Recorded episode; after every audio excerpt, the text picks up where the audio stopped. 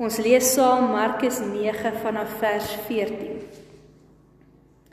Toe hulle weer by die ander disippels kom, sien hulle 'n groot menigte mense daar rondom hulle en skrifgeleerdes wat met hulle redeneer.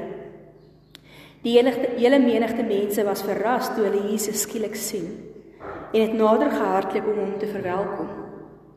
Hy het vir die skrifgeleerders gevra: "Waarom redeneer julle met my disippels?" En een van die mense het hom geantwoord: "Meneer, ek het my seun na u toe gebring omdat hy van 'n gees besete is wat hom stom maak. En elke keer as die gees hom gryp, gooi hy hom op die grond neer. Dan kry hy skuim om die mond en hy kners op sy tande en sy spiere trek saam. Ek het die disippels gevra om die gees uit te drywe en hulle kon nie. Jesus sê toe vir hulle: "Ongelowige geslag, Hoe lank moet ek nog by julle wees? Hoe lank moet ek julle nog verdra? Bring hom hier na my toe. Hulle het die seun na hom toe gebring. Net toe die gees vir Jesus sien, het die seun geweldige stuiptrekkings gekry. Hy het op die grond neergeslaan en rondgerol met skuim om die mond. Jesus het vir die pa gevra: "Hoe lank is dit al wat dit hom oorkom?" Van kleins af antwoord hy: En baie kere het die Gees hom al in die vuur en in water gegooi om hom dood te maak. As jy tog miskien iets kan daaraan kan doen, kry ons jammer en help ons. As jy iets kan doen, sê jy, antwoord Jesus. Vir die een wat glo, kan alles. Ek glo, roep die seun se pa dadelik uit. Help my in my ongeloof. Toe Jesus sien dat die menigte mense aangestroom kom, het hy die onreine gees skerp uit aangespreek. Jy stom en dowe gees, ek gebied jou, gaan uit hom uit en moet nooit weer in hom invaar nie. Die gees het hom laat skreeu en ewige stuiptrekkings laat kry en toe het hom uitgegaan. Dit het gelyk of die seun dood is, sodat baie mense gesê het hy is dood. Jesus het hom egter aan die hand gevat en opgehelp en hy het opgestaan. Nadat Jesus huis toe gegaan het en toe hulle alleen was, het sy disippels hom gevra: "Waarom kon ons die gees nie uitdrywe nie?" Hy het vir hulle gesê: "Hierdie goed kan met niks anders as gebed uitgedrywe word nie." Ons lees tot daar. Nou hierdie verhaal wat ons vandag gelees het, begin speel af net na Jesus se verheerliking op die berg. Daar waar hy opgegaan het en voor die berg opgegaan het en voor die oë van Johannes en Petrus en Jakobus wit geword het, geskyn het van die heerlikheid van God. En dit is ook net nadat Jesus die eerste keer vir sy disippels aangekondig het dat hy gaan sterf. So dis redelik laat in Jesus se bediening wat ons op hierdie punt kom waar ons vandag is. Vroeger in Markus het Jesus vir sy disippels die mag gegee en hulle gesê Markus 5:6, Markus 6 dat hulle die vermoë gaan hê om geeste uit te dryf en siektes sieke siek mense gesond te maak.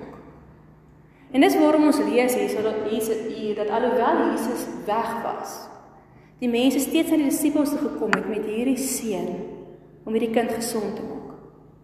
Nou as ons hierdie verhaal lees, dan lyk dit vir ons met vandag se mediese kennis asof hierdie kind epilepsie gekry het. Dis die tipiese tekens van epilepsie. En veral omdat hy dit van kleins af gekry het. Wat ek net nou gesê het ook, in die Bybelse tyd het mense baie keer epilepsie met iets anders, met gode of met bose geeste verbind. En in die Bybel leer ons hoe God as hy na ons as mense kyk, nie net kyk na ons liggame nie. Soos ons dikwels sal sê as ons siek is, ons gaan dokter toe want ons kort medisyne vir ons liggame. Maar is die Bybel vir ons dat God belangstel in ons hele wese. God wil weet ons gees en ons hart is oukei. Okay. God wil weet ons verhouding met hom is okay. God wil weet ons liggaam is okay. En dis wat ons ook hier sien in hierdie genesing van Jesus is hoe hy die geheel van hierdie gesin vashou. Hy sien net bekommerd oor hierdie kind se siekte nie. Hy kyk ook na sy verhouding, hulle verhouding met hom. Hy kyk ook na die invloed wat dit gehad het op hulle familie, op hulle verhoudinge, omdat hierdie kind al so siek was en dikwels al 'n paar keer al amper dood was volgens die pa. So God stel hier, kom sê hy, hierdie hele kind, hierdie hele familie is vir hom belangrik. Maar so kom hierdie pa na die disippels toe. En die disippels kan hierdie kind nie gesond maak nie. En toe Jesus van die berg af kom, te kry hy nou hierdie skrifgeleerdes en die disippels aan die stry. Oor waarom kon hierdie disippels dan nou nie hierdie kind gesond maak nie? Julle weet ons kry dit nog baie vandag.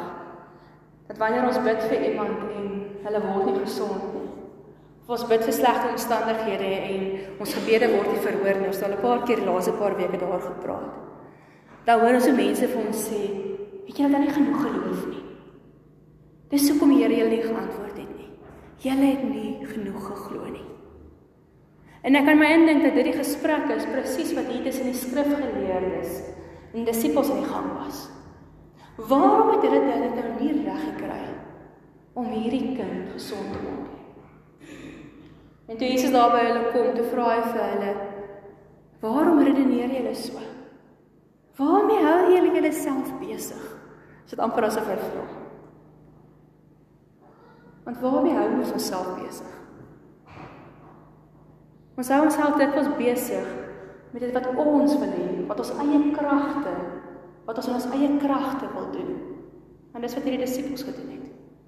En daarom spreek Jesus hulle aan en dit is asof mense hierdie hartseer in sy stem hoor wat hy vir hulle sê: "Julle ongelowige geslag. Hoe lank moet ek nog by julle wees voordat julle glo?" So ek net nou vir julle gesê het, is hierdie net so voor Jesus se kruisiging. Hy het nou al 3 jaar saam met hierdie disippels geleef. Hulle het hoeveel wonderwerke gesien. Hulle het hoeveel genesings gesien. En steeds sukkel hulle om te glo. Steeds redeneer hulle oor tussen mekaar oor hoe groot geloof moet wees. En Jesus kom spreek hulle aan. Hy sê vir hulle: "Waarom twyfel julle?" Twyfel. Ongeloof is 'n woord wat ons nie meer baie gemaklik is nie. Ons glo mos dat enigiemand wat 'n kind van die Here is, altyd sterk moet wees. Dat ons altyd al ons eentjies in 'n ry moet hê. Dat ons altyd in geloof met die Here sal vas staan maak nie saak wat gebeur nie. Maar ek dink ons almal weet dis nie so eenvoudig nie. Twyfel is 'n natuurlike deel van elkeen van ons lewens. Dis deel van gelowiges deur die eeue se lewens. Om te twyfel beteken om te sê ons glo nie iemand het die vermoë om iets te doen nie. So om in God te twyfel is om te sê ons glo nie God het die vermoë om ons eintlik in 'n spesifieke situasie te help nie. Daarom baie keer wanneer ons twyfel, probeer ons ons eie planne maak.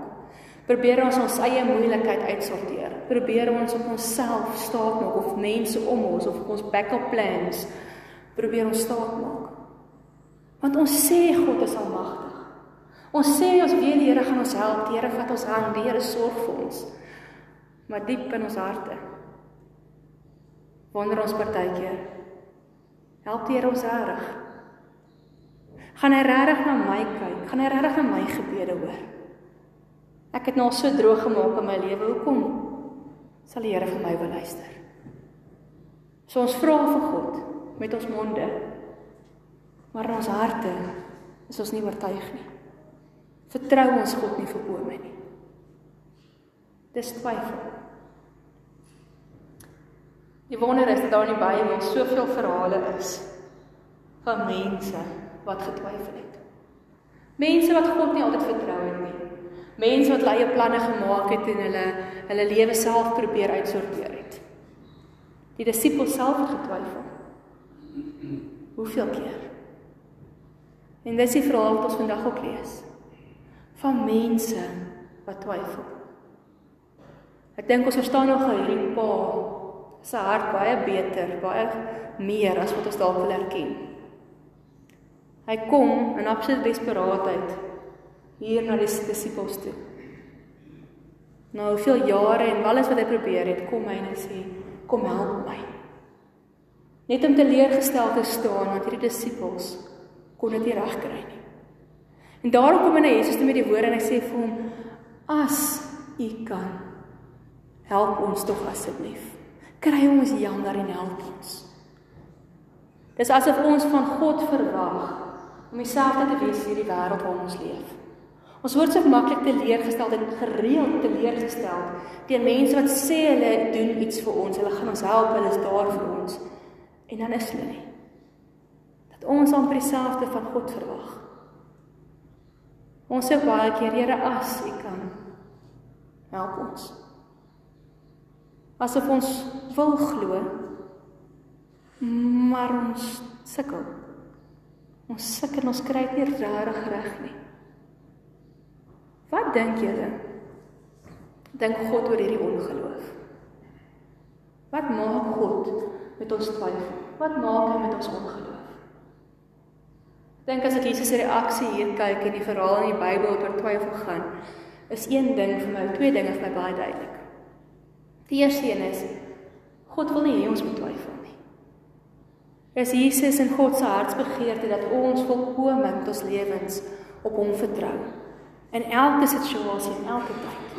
Dis wat God vir ons wil hê. Maar die tweede ding is dat ons menslike natuur ons daarmee sukkel. En dat God ons nie alleen laat wanneer ons twyfel nie.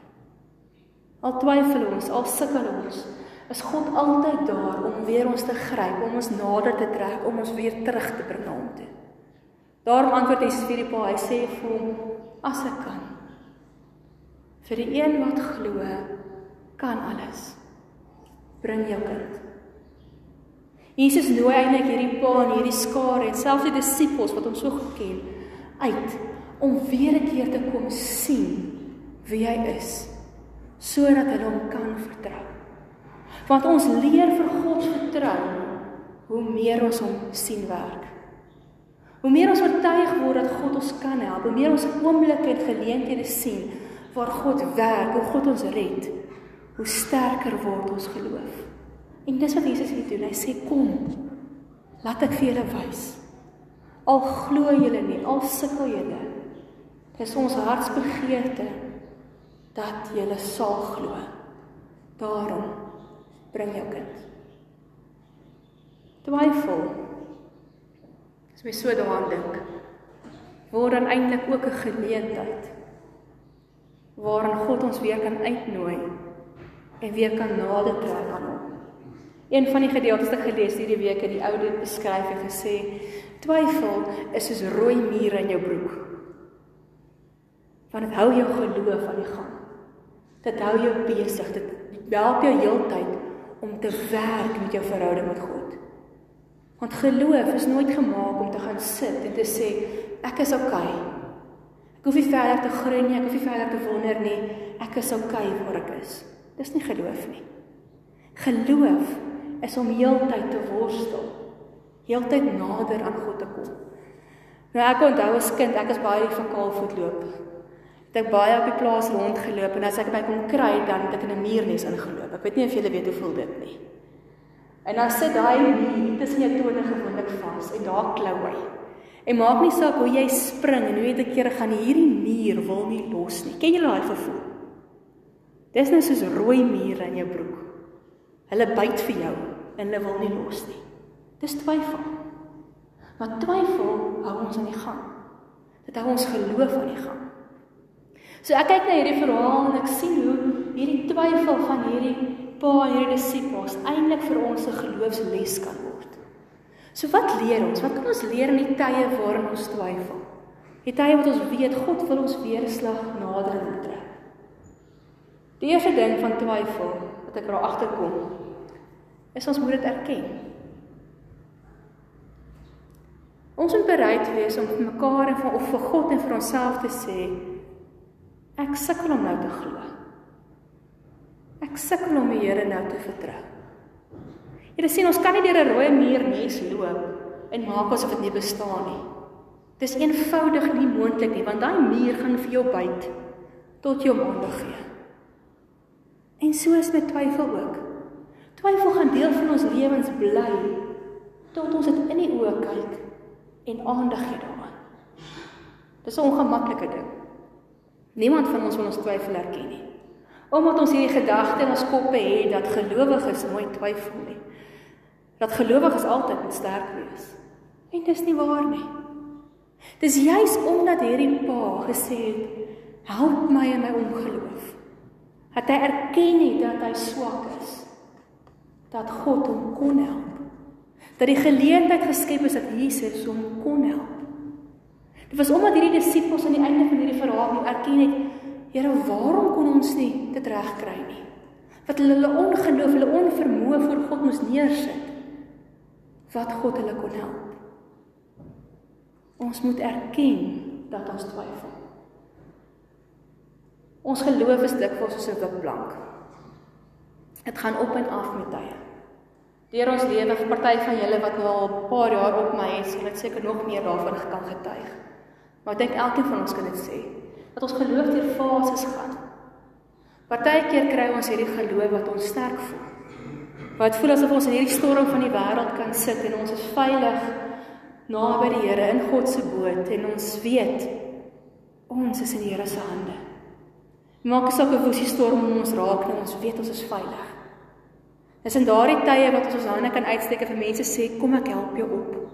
Kom ek dra jou, kom ek bid vir jou. Tye van 'n sterk geloof. Maar 'n kere kry ons tye wat ons eerder aan die boot se rand hang in hierdie storm wat ons klou aan die Here en ons weet as ons hierdie boot los, is die gord gaar. Ons klou aan die Here want ons weet Here as ons nou los, het ons nie hoop nie. Weet ons nie wat gaan gebeur nie. Partykeer is ons lewens so. In desperaatheid hou ons net aan die Here vas. En ander kere soos ons hierdie pa 'n worstelende geloof. Hy is nie eens naby die boot nie. Hy dryf daar eers in die see, probeer spartel om met boot te bly. Maar eers kom die boot aan. Maak nie saak waar ons ons geloofslewe is nie. Elke keer by die witplank sê God vir ons: "Erken net waar jy is." Dis oukei okay dat jy is waar jy is. Onthou jy laat ons so dink aan die beeld wat ek nou praat gebruik van die storm in die boot. Aan Petrus wat op die water geloop het en toe gesink het. Sterk geloof en toe 'n oogwink toe hy die storm sien. Toe hou hy nie sy boot vas nie, toe sink hy. Dis hoe ons lewens werk. En dalk moet ons dit vandag vir mekaar ook sê, "Hey, dis oukei." Okay. Dis oukei okay om nie altyd al jou eentjies op plek te hê nie. Dis oukei okay om nie altyd te voel jou geloof is 100% nie. Okay om soms te twyfel. Erken dit voor die Here. Want as ons dit erken, ons weer sê Here, hier is waar ek nou is. Worstelend soos hierdie pa en ek weet nie waar die boot eintlik heeltemal is nie. Sal God ons help. Want dit is sy belofte. En dis die tweede ding wat ek hier raak sien, is dat hierdie man, hierdie pa, hierdie absolute begeerte in sy hart gehad het om nog steeds die Here raak te sien. En ek dink twyfel is eintlik hierdie wonderlike geleentheid, hierdie wonderlike spaak wat dit weer in ons wakker maak. Wat weer in ons wakker maak dat ons eintlik 'n begeerte het om die Here te sien, om te sien hoe die Here werk. Want ons ongeloof is dikwels omdat ons nie sien hoe God werk nie. Net soos hierdie pa bring hy sy seun, nie kan die disippels hom nie help nie. Hy sien nie hoe God werk nie. En hy begin twyfel. Maar wanneer ons hierdie begeerte het, Here ons wil so graag sien. Dan sal Jesus altyd vir ons help. Ons moet dit baie mooi hoor. Wanneer ons erken voor God hoe stikkend en gebroken ons is en ons sê Here, help my. Sal God ons nooit drop nie. Hy sal ons nooit los om te aanhou swem in 'n see nie. Hy sal altyd daar wees om sy hand vir ons uit te steek en ons op te tel. Daarom het Jesus vir die pa gesê: "Bring jou kind." Wanneer ons so eerlik en opreg voor Here kom staan en sê: "Here, help my. Ek sukkel. Ek kan nie glo nie. Werk God met ons." twyfel en ongeloof hoef nie 'n negatiewe ding te wees wat ons wegsteek nie. Dit hoef nie 'n masker te wees wat ons opsit en sê ag nee, alles is reg, ek glo die Here gaan werk, maar diep in ons harte is ons nie oortuig nie. Dit hoef nie so te wees nie. Ons kan met absolute eerlikheid na die Here toe kom. Help my, Here, want ek sukkel. Want God gaan ons help. Die wonderlike ding wat ek nog die derde ding wat ek sien in hierdie gedeelte is dat twyfel dikwels vir ons 'n leerskool word. 'n Geleentheid word om weer te sien in die eerste plek wie God is, maar ook te sien wie ons onsself is. Want toe hierdie mense kom by die disippels en hierdie pa en hierdie kind voor Jesus kom neer sê, neer lê. Toe help Jesus hierdie kind. Toe wys hy weer vir hulle dat hy wel die mag het. Nadat almal daar getwyfel het, wys hy vir hulle wie hy is. Dan baie keer het ons twyfeltye juis nodig in ons geloof in ons lewens. Sodat ons weer kan sien wie God is. Want ons vergeet. Ons vergeet van al die kere wat die Here ons gehelp het. En daarom sê ek baie keer vir hulle is 'n goeie geloofsgewoonte om as jy 'n moeilike tyd deurgaan, dit neer te skryf. En nou en dan te gaan terugblaai en te kyk hoe die Here met jou pad gestap want daardie goed versterk jou geloof. Dis goed om getuienisse te hoor of mekaar te vertel, weet jy wat? Ek was so moedeloos van dit en dit en dit het gebeur en ek het nie uitkoms gesien nie. Maar die Here het my op die regte tyd gehelp met net dit wat ek nodig gehad het. Twyfeltye word vir ons 'n geleentheid wanneer ons weer kan sien en onthou wie God werklik is. So ons moet ons oë oopmaak. Maar ons kan dit net doen wanneer ons eerlik opreg voor die Here erken hoe swak ons is. Dieselfde wat ons verlede week gehoor het in 2 Korintiërs 12. Wanneer ek swak is, is wanneer God in my kan werk. Wanneer ons kan sien wie God is.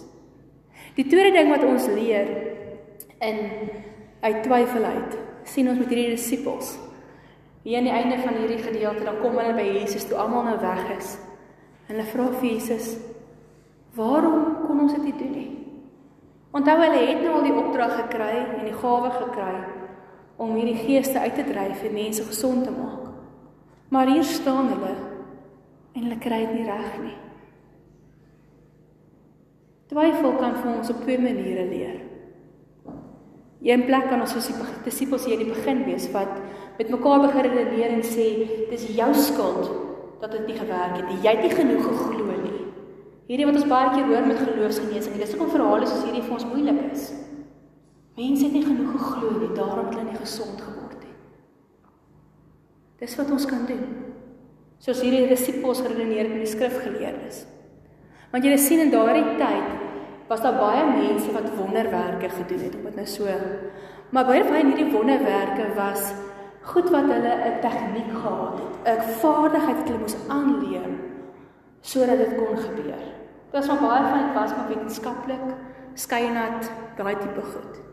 Maar hulle het ook geglo dat hulle hierdie goed kan doen as hulle hierdie spesifieke towerwoorde sê, dat hulle die gode van die Romeinse ryk kon oortuig om vir hulle te help. En daarom staan redeneer hierdie disippels en hulle sê, maar ons het nie regte tegniek gevolg nie. Het ons nie regte towerwoorde gebruik sodat ons nou hierdie ding kon regkry nie. Hulle skuif die blom op hulle self en ander af. En Jesus kom vra vir hulle: "Wat doen julle? Waarom redeneer julle oor dit? Is dit wat belangrik is?" Wanneer ons na onsself kyk en op ons eie kragte staan maak, is dit presies hoe ons gaan reageer. Ons gaan dink slegte goed gebeur met ons en dink ons, "O, dis omdat ek nooit verskoning gevra het vir daai een nie." Sommige ek te sondig is, sommige ek nie genoeg kerk te kom sommige ek nie genoeg Bybel lees nie. Sommige ek nie genoeg glo nie. Daarom gebeur al hierdie goed. Dan mis ons die punt. Jesus kom en hy antwoord vir die disippels. Die rede waarom hulle nie reg gekry het nie is eenvoudig omdat hulle nie gebid het nie. Dis nie julle nie regte toorwoorde gesê nie. Julle het nie regte tegnieke gevolg nie. Julle het nie genoeg geloof gehad nie. Want dit is interessant in hierdie gedeelte. Baie ander gedeeltes sê Jesus spesifiek geloof is nodig vir die genesings. Hier sê hy gebed is nodig. Julle het nie gebid nie. Wat Jesus hier vir hulle sê, is hy sê vir hulle, julle het gedink julle raak so sterk en so magtig om hierdie mense gesond te maak en al hierdie wonderwerke te doen.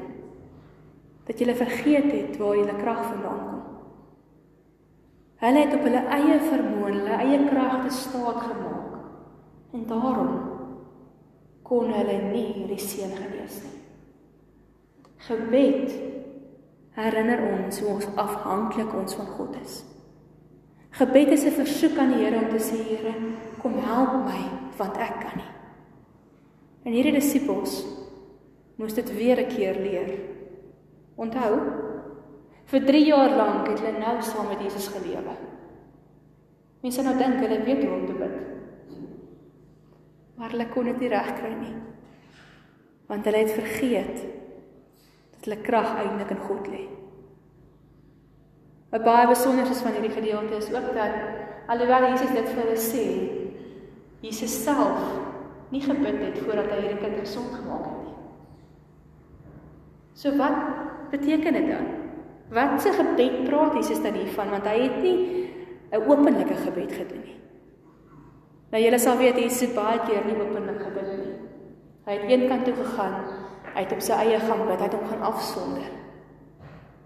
Jesus het meeste van die keer net gebid tussen hom en sy Vader of in 'n klein groepie mense by die disippels. Wat Jesus hier gebed waarvan Jesus hier praat, die gebed wat die disippels nodig gehad het, die gebed wat ons nodig het wanneer ons twyfel. Is nie 'n skietgebedjie met towerwoorde soos die disippels waarskynlik gedink het hulle moet bid nie. Want julle weet mos hoe ons as mense. Ewe skielik is ons so 'n moeilikheid, ons beland in die sop en dan, o Here, help my asseblief, ek kan nou hierdie ding doen nie. En dan dink ons dis genoeg.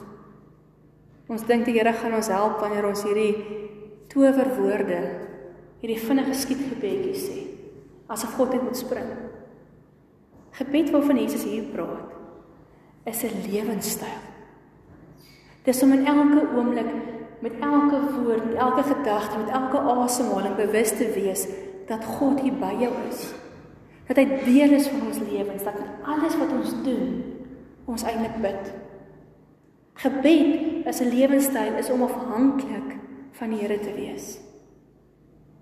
Om op te staan te weet vandag leef ek nie op my eie nie. Ek leef nie omdat ek oulik is of sterk is of baie planne het nie. Ek leef omdat ek weet hoe nodig die Here my, hoe nodig ek die Here het. Dan leef ons naby aan God. Dan bid ons werklik. Hierdie verhaal van genesing gaan eintlik nie oor hoe groot hierdie pa se geloof was nie. Want hy het tekort geskiet. Hy moes vir God vra, Here, help my. Dit gaan nie hoe groot die disippels se geloof was nie. Want ook hulle het tekort geskiet. Ook hulle moes vir Jesus vra, Here, help ons. Leer ons wat het ons verkeerd gedoen. Want ons kon dit nie regkry nie.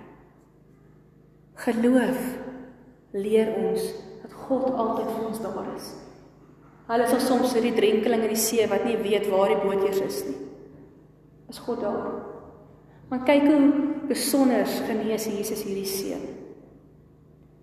Toe Jesus daar kom in die seun en hierdie dowe en stomme gees aanspreek.